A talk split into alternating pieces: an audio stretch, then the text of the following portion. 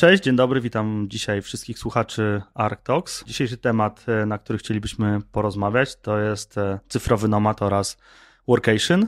W studiu witam dzisiaj weterana tego typu zabaw i imprez. Jest to Jarosław Dudczak, dzień dobry. Cześć, cześć wszystkim.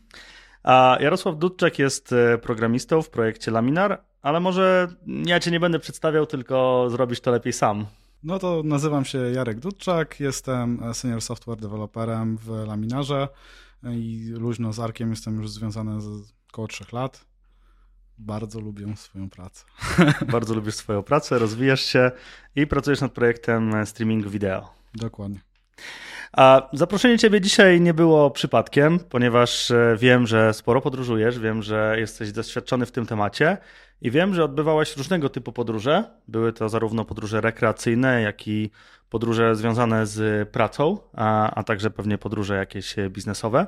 Ale chciałbym zacząć od e, tematu właśnie takich ogólnych podróży, małych i dużych. Może mógłbyś więcej opowiedzieć, gdzie byłeś, co widziałeś? E, może masz jakieś statystyki, w ilu krajach na przykład byłeś? Jak wyglądały Twoje podróże? Czy to były podróże kilkudniowe, czy to były może większe wyprawy?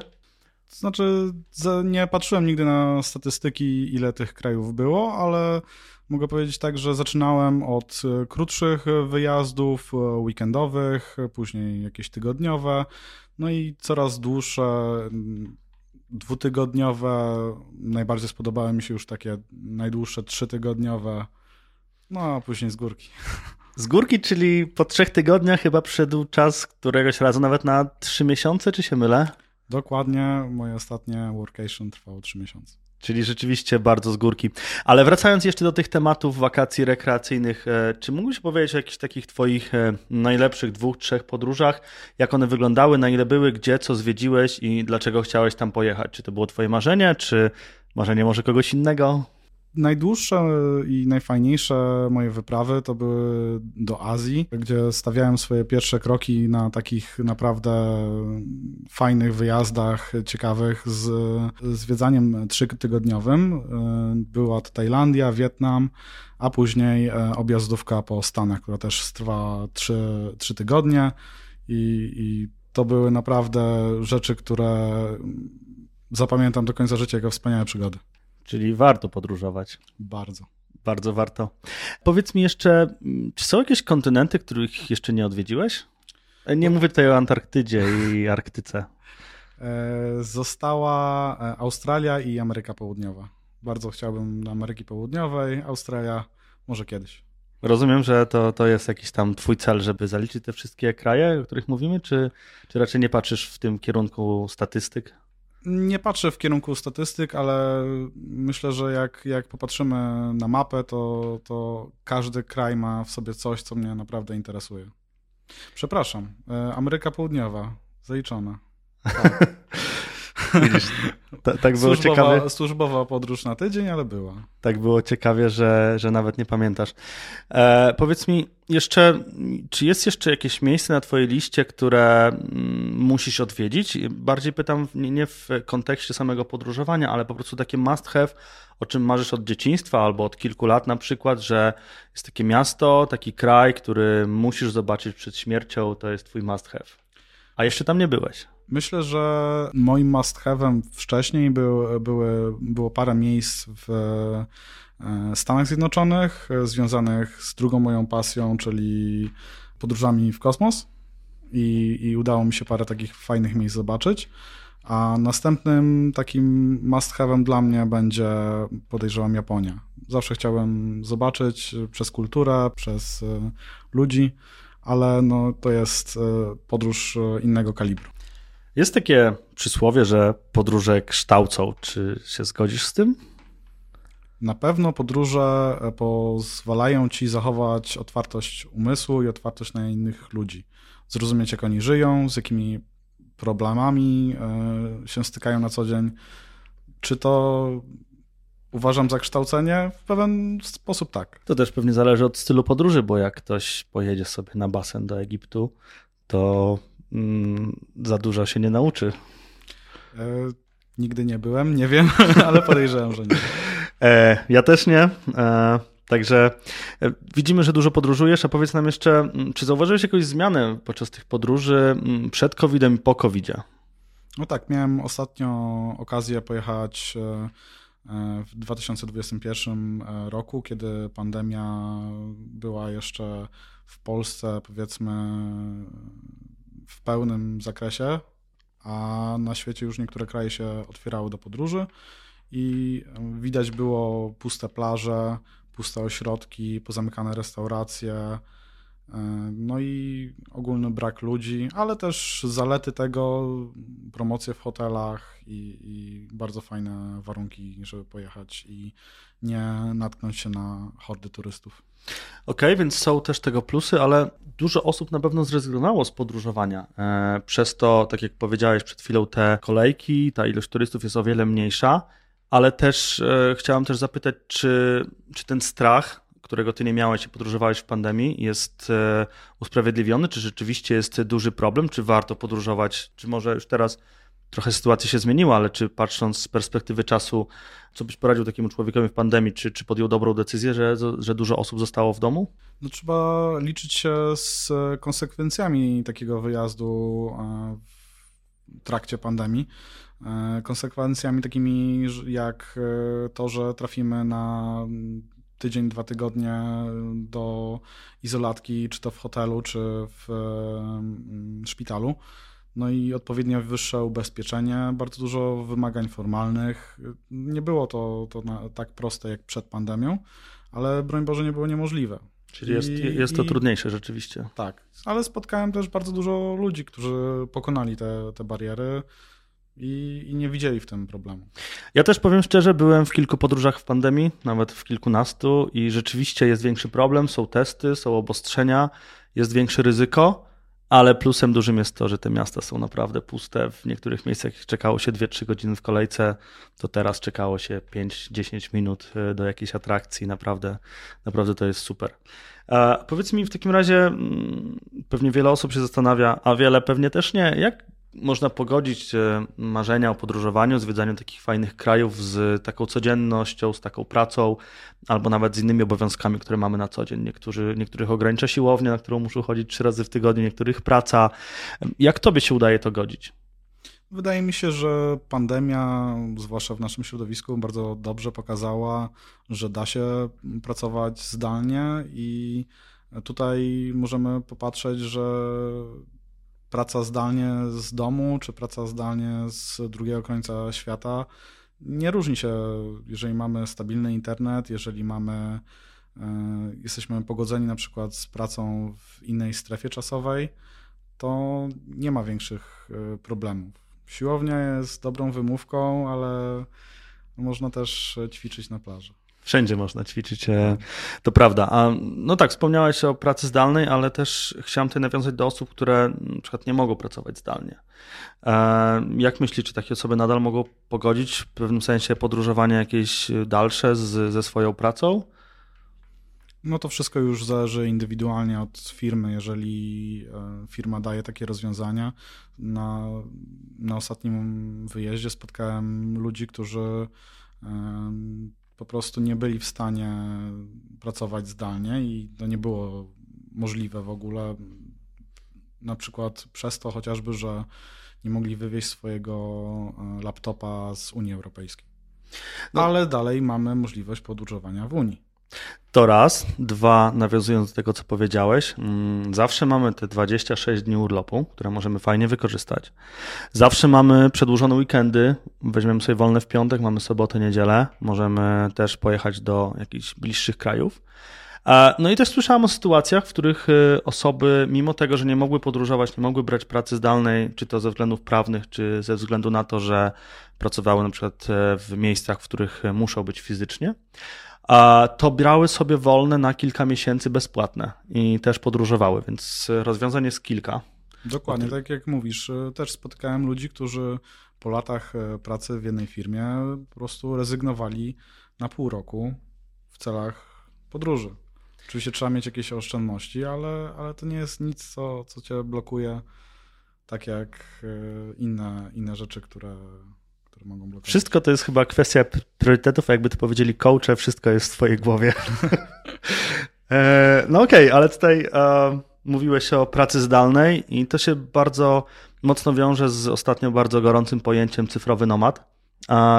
Czy słyszałeś tym pojęcie, o tym pojęciu? Jeżeli tak, to co ono oznacza i z czym się wiąże? No to jest pojęcie, które, które coraz częściej e, pada wśród osób, które podróżują właśnie i, i pracują e, i nie są związane konkretnie z jednym miejscem, tylko mogą pracować z każdego miejsca na świecie. Wiele jest coraz, coraz więcej jest infrastruktury, która umożliwia to, czy, czy przez szybki internet, czy przez miejsca coworkingowe. No i nie ukrywajmy, że taki cyfrowy nomad, życie takiego cyfrowego nomada w świecie IT jest chyba o wiele prostsze niż w innych działkach. Tak, zgadzam się. Jest to troszeczkę stworzone pod, pod IT i widzę, że, że nie jest łatwo w innych branżach e, prowadzić taki styl życia. Myślę, że taką jedną z większych przeszkód, która i tak nie jest e, duża moim zdaniem, jest po prostu strefa czasowa. Musisz wstawać wcześniej lub kłaść się spać później, jeżeli twój zespół, twój zespół jest w Polsce, ty jesteś w Stanach lub w Tajlandii. To chyba wczesne wstawanie lub pracowanie po nocach jest największym problemem, a reszta już jest chyba łatwa. Dokładnie, no ale to samo, ten sam problem spotykamy mm, pracując e, dla korporacji w Polsce, kiedy musimy się zdzwonić z ludźmi ze Stanów, z Australii, z Japonii. E, powiedz mi w takim razie, jak wyglądała Twoja podróż, Twoje workation, bo wiem, że byłeś na dłuższych wakacjach, zresztą wspomniałeś o tym też na początku, że Twoja ostatnia podróż trwała trzy miesiące i wiązało się to z, także z pracą. Nie wziąłeś wolnego na ten czas. Pojechałeś na, na wakacje połączone z pracą. Przede wszystkim opowiedz, gdzie byłeś, a za chwilę jeszcze nawiążemy do tego, jak to należy zorganizować, co tam robiłeś i jak to wygląda. Nie jest do końca prawdą to, co mówisz, że nie wziąłem urlopu. E, workation samo w sobie jest super, ale bardzo fajnie jest je połączyć z urlopem. E, jak podsumowałem sobie wszystkie dni, które byłem w Tajlandii, okazało się, że więcej dni miałem wolnych niż pracujących. Wchodzą to, w to oczywiście weekendy, E, weszły w to e, okresy świąteczne, ponieważ e, wyjechałem w listopadzie, wróciłem w marcu, więc siłą rzeczy te okresy świąteczne wliczały się w te wolne dni. Byłem w, na południu Tajlandii. Zwiedziłem wiele wysp, ciekawych miejsc, przepiękne Polecam. Brzmi jak bajka, ponieważ powiedziałeś, że od listopada do marca byłeś w Tajlandii, to znaczy, że całą naszą zimę, ten ciężki dla wielu osób okres, który też moim zdaniem da się odczarować, jeżeli ktoś e, aktywnie spędza czas na przykład na stoku, a tą polską jesień i zimę spędziłeś w ciepłych krajach. Bez uszczerbku lub częściowym na na pracy, tak? Bo pracowałeś tak. i miałeś też urlop, czyli zwiedzałeś i pracowałeś jednocześnie, przetrwałeś tam zimę, można powiedzieć, w ciepłych krajach. Zgadza się. No, bardzo, wielu, bardzo wiele osób e, wyjeżdża w tym okresie, właśnie żeby uciec od zimna. Bardzo wielu Brytyjczyków mm, robi to co roku, mają swoje domy tam na miejscu i, i w ten sposób spędzają e, ten zimowy czas. Jednak są też e, tego no, wady.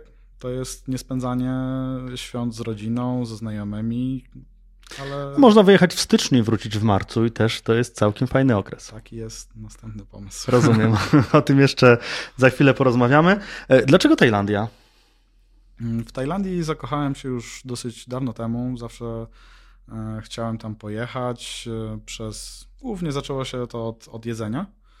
E, jak zobaczyłem parę e, programów kulinarnych, no a później miłość do, do ludzi, do, do krajobrazu, do e, warunków pogodowych sama się narodziła. To nie jest twój, to nie był twój ostatni raz w Tajlandii? Nie, broń Boże. A który? To, to był mój drugi raz w Tajlandii, a teraz będzie następny. Też na trzy miesiące. Brzmi jak bajka, a jak taką bajkę zorganizować? E, bo zakładam, że to nie jest proste. Mm, listopad, e, marzec, praca, loty, hotele. Brzmi to jak dość e, potężne przedsięwzięcie logistyczne. Tak wygląda faktycznie na samym początku, ale z doświadczeniem staje się łatwiejsze. Kiedy leciałem pierwszy raz na trzy tygodnie do Tajlandii, miałem wszystko zarezerwowane dużo wcześniej i bardzo ciasny i dokładny plan podróży, e, ale też nie wchodziła w to praca. Jak jechałem ostatnim razem, już e, troszeczkę więcej luzu miałem w tym i e, jakieś pierwsze noclegi były zarezerwowane przed wyjazdem, ale dalej martwiłem się o to już na miejscu. Zwłaszcza, że bardzo dobrym podejściem jest to, żeby znaleźć jeden nocleg w danym miejscu, gdzie chcemy się zatrzymać na dłużej, a później przejść się po hotelach, zapytać o ceny na miejscu, gdzie dowiemy się, jakie są faktyczne koszty bez e, pośredników. E, mówisz o noclegu, a jakie są jeszcze inne aspekty, o których trzeba pamiętać? E, no wiadomo, jak przy każdej podróży pewnie loty, ale może coś szczególnego trzeba spakować lub o czymś więcej trzeba pomyśleć. Jak wygląda wiza na tak długi czas, jak wygląda na przykład prawo jazdy lub kilka innych rzeczy, bo jednak trzy miesiące to jest okres, w którym się no to już nie jest tylko podróżowanie, ale też trochę życie w tym kraju, tak? Czy o czymś więcej trzeba pomyśleć, jakieś lepsze ubezpieczenie lub, e, lub coś, co, co ci jest tam potrzebne, a nie byłoby ci potrzebne na przykład na dwutygodniowej podróży bez pracy? Jeżeli tutaj patrzymy pod kątem Tajlandii, no to mogę powiedzieć z doświadczenia, jak wyglądają te wszystkie rzeczy, ale pamiętajmy, że to wszystko zależy od e, miejsca, w które się udajemy i w każdym kraju będziemy mieli inne wymagania. Tak samo te wymagania zmieniają się w zależności od okresu, w którym wyjeżdżamy. Tak jak teraz była pandemia, e, były wymagane dużo większe ubezpieczenia, żeby pokryć te e, możliwe koszty leczenia. E, wiza to też jest ciekawa rzecz, no bo na przykład 45 dni możemy się zatrzymać w Tajlandii bez, bezwizowo. Jeżeli chcemy dłużej, no to wchodzą w grę różne inne typy wiz, które się odpowiednio wcześniej załatwia. Przeważnie nie jest więcej niż miesiąc potrzebny na załatwienie czegoś takiego. Jeżeli chodzi o e, prawo jazdy, dobrze jest mieć wyrobione prawo, prawo jazdy międzynarodowe, które jest tak naprawdę na wszystkie kraje świata, ale bez tego i tak powinno nam się udać wynająć skuter czy, czy, czy samochód w takich krajach południowo-wschodniej Azji. Ale jednak e, z tego, co mówisz, trzeba troszeczkę więcej czasu poświęcić na planowanie niż przy zwykłej podróży. Nawet taka wiza, którą, o której trzeba wcześniej pomyśleć, gdzie jadąc na dwa tygodnie, kompletnie nie musimy o tym myśleć, bo dostajemy ją z tego, co wiem, na lotnisku. Tak, zgadza się, ale to są wszystko rzeczy, które, które zmieniają się od kraju do kraju. Tak, także jakby ktoś chciał taką podróż sobie zrobić, to warto wcześniej przygotować się, warto wcześniej wszystko sprawdzić i, i sprawdzić konkretny kraj. Jest też bardzo dużo e, poradników e, i, i ludzie piszą e, na różnych forach o swoich doświadczeniach z takimi wyjazdami, więc nie jest to, nie będziemy w tym sami. Zresztą można nawet zadzwonić do ambasady, co parę razy byłem zmuszony zrobić. I, Pomagają. I jeżeli trafi się na kogoś naprawdę fajnego, no to, to, to pomogą. Super. A, no właśnie, tak jak wspomniałeś na początku, jesteś informatykiem, że tak powiem ogólnie, programistą. A Tajlandia wydaje się bardzo dzikim krajem. Mm, jak ja kiedyś na początku myślałem o tym, to, to dla mnie to był dziki kraj, w którym ciężko internet, ciężko takie podstawowe rzeczy. Jak w takim razie mm, wygląda taka Tajlandia jako kraj dla nomadów, jako kraj dla osoby, która chce tam pracować, jako dla, konkretnie już nawet dla osoby, która jest informatykiem, która potrzebuje stałego dostępu do internetu, potrzebuje prądu, żeby móc wypełniać swoje obowiązki.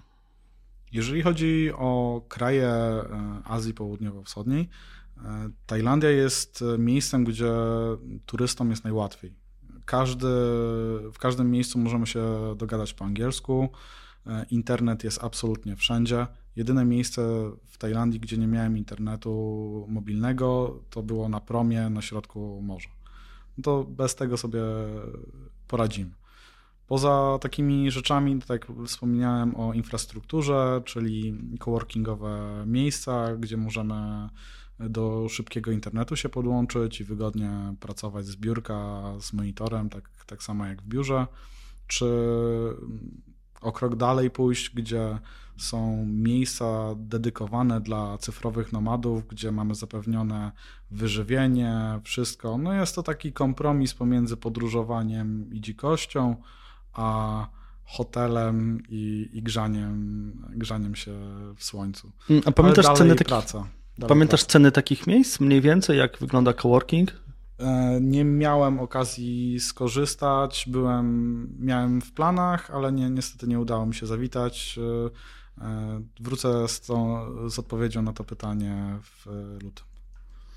Okej, okay. tutaj mówiłeś o miejscach coworkingowych, to jeszcze chcę zapytać się wprost, jak wygląda różnica między pracą w obcym kraju, jako, że tak powiem, już któryś raz cyfrowy nomad, a pracą w biurze? Dla mnie jedyną e, różnicą było to, że pracowałem w innej strefie czasowej. Tajlandia była o tyle przysunięta, że udawało mi się skończyć pracę przed północą, co było dla mnie dosyć ważne, bo nie oszukujmy się, później już nie jesteśmy zbyt e, wydajni pracując. A innych zmian pomiędzy pracą z domu a pracą na workation nie zauważyłem. Nie, nie brakowało ci kawy z Paloma Cafe od nas z rynku? Czy nie, wyjścia do doktora z baru? Nie, jeżeli chodzi o kawę, to wspaniała kawa wietnamska, mrożona, którą możemy za jakieś grosze kupić. Mocna tak, że od razu Stawia zaczy, nogi. zaczynasz e, słyszeć kolory. A powiedz mi jeszcze, mm, bo wspomniałeś o tym, że kończyłeś pracę o północy. Jak wyglądał taki twój typowy dzień podczas, podczas pracy w Tajlandii? A może nawet inaczej zadam pytanie, taki idealny dzień, twoim zdaniem, który miałeś, chyba że codziennie miałeś idealny dni łączenia podróżowania z pracą? Jeżeli chodzi o same podróże i, i, dni, w których pracowałem, no to nie jesteś w stanie pojechać za daleko e, dzień, który pracujesz. Poza tym. Ale jesteś w stanie gdzieś pojechać. Jesteś w stanie, ale. Musisz, jak, jak to wyglądało? Musisz pamiętać o tym, że e, będąc w Tajlandii przy 30-parostopniowym upale i spędzając pół dnia w podróży, no ten drugie pół dnia nie będzie wyglądało super e, produktywnie z twojej strony. Co jest super, to jest to, że jesteś tam na miejscu, możesz pójść na plażę, e, z rana zjeść fajne śniadanko, e, poleżeć na plaży, czy pozwiedzać jakieś rzeczy, które są blisko.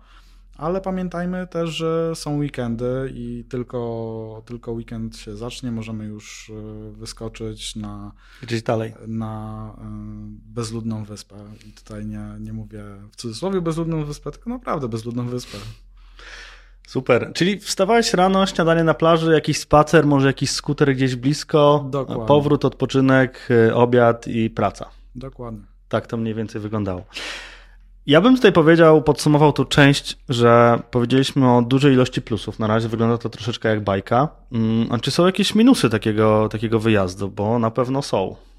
Owszem, no to, to nie jest e, te wszystkie rzeczy, o których wspominaliśmy wcześniej, czyli cała administracyjna otoczka, wizy, no to nie są tanie rzeczy, tak samo ubezpieczenia jakieś e, większe, to sprawia, że wyjazd do Tajlandii, która sama w sobie jest krajem tanim do przebywania, już nie jest aż tak tani.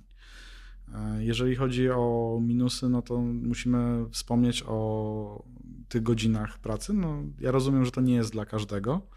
E, dodatkowo no, brak kontaktu fizycznego z ludźmi, z którymi się e, pracuje, też dla niektórych jest bardzo problematyczny. Wiemy, że dobrze się pracuje z ludźmi w biurze na miejscu, jeżeli tego potrzebujemy. Znowu, jeżeli nie potrzebujemy, potrzebujemy się skupić tylko na swoim zadaniu, no to to jest super. A temperatura? Temperatura idzie się przyzwyczaić. Jest fajna, bo jest stała. To jest przede wszystkim super, że można w klapeczkach, w krótkich spodenkach wyjść, nie patrzeć na prognozę pogody. Jeżeli złapiecie ulewa i deszcz, tak dalej będzie ciepło. I zaraz wyschniesz. Dokładnie.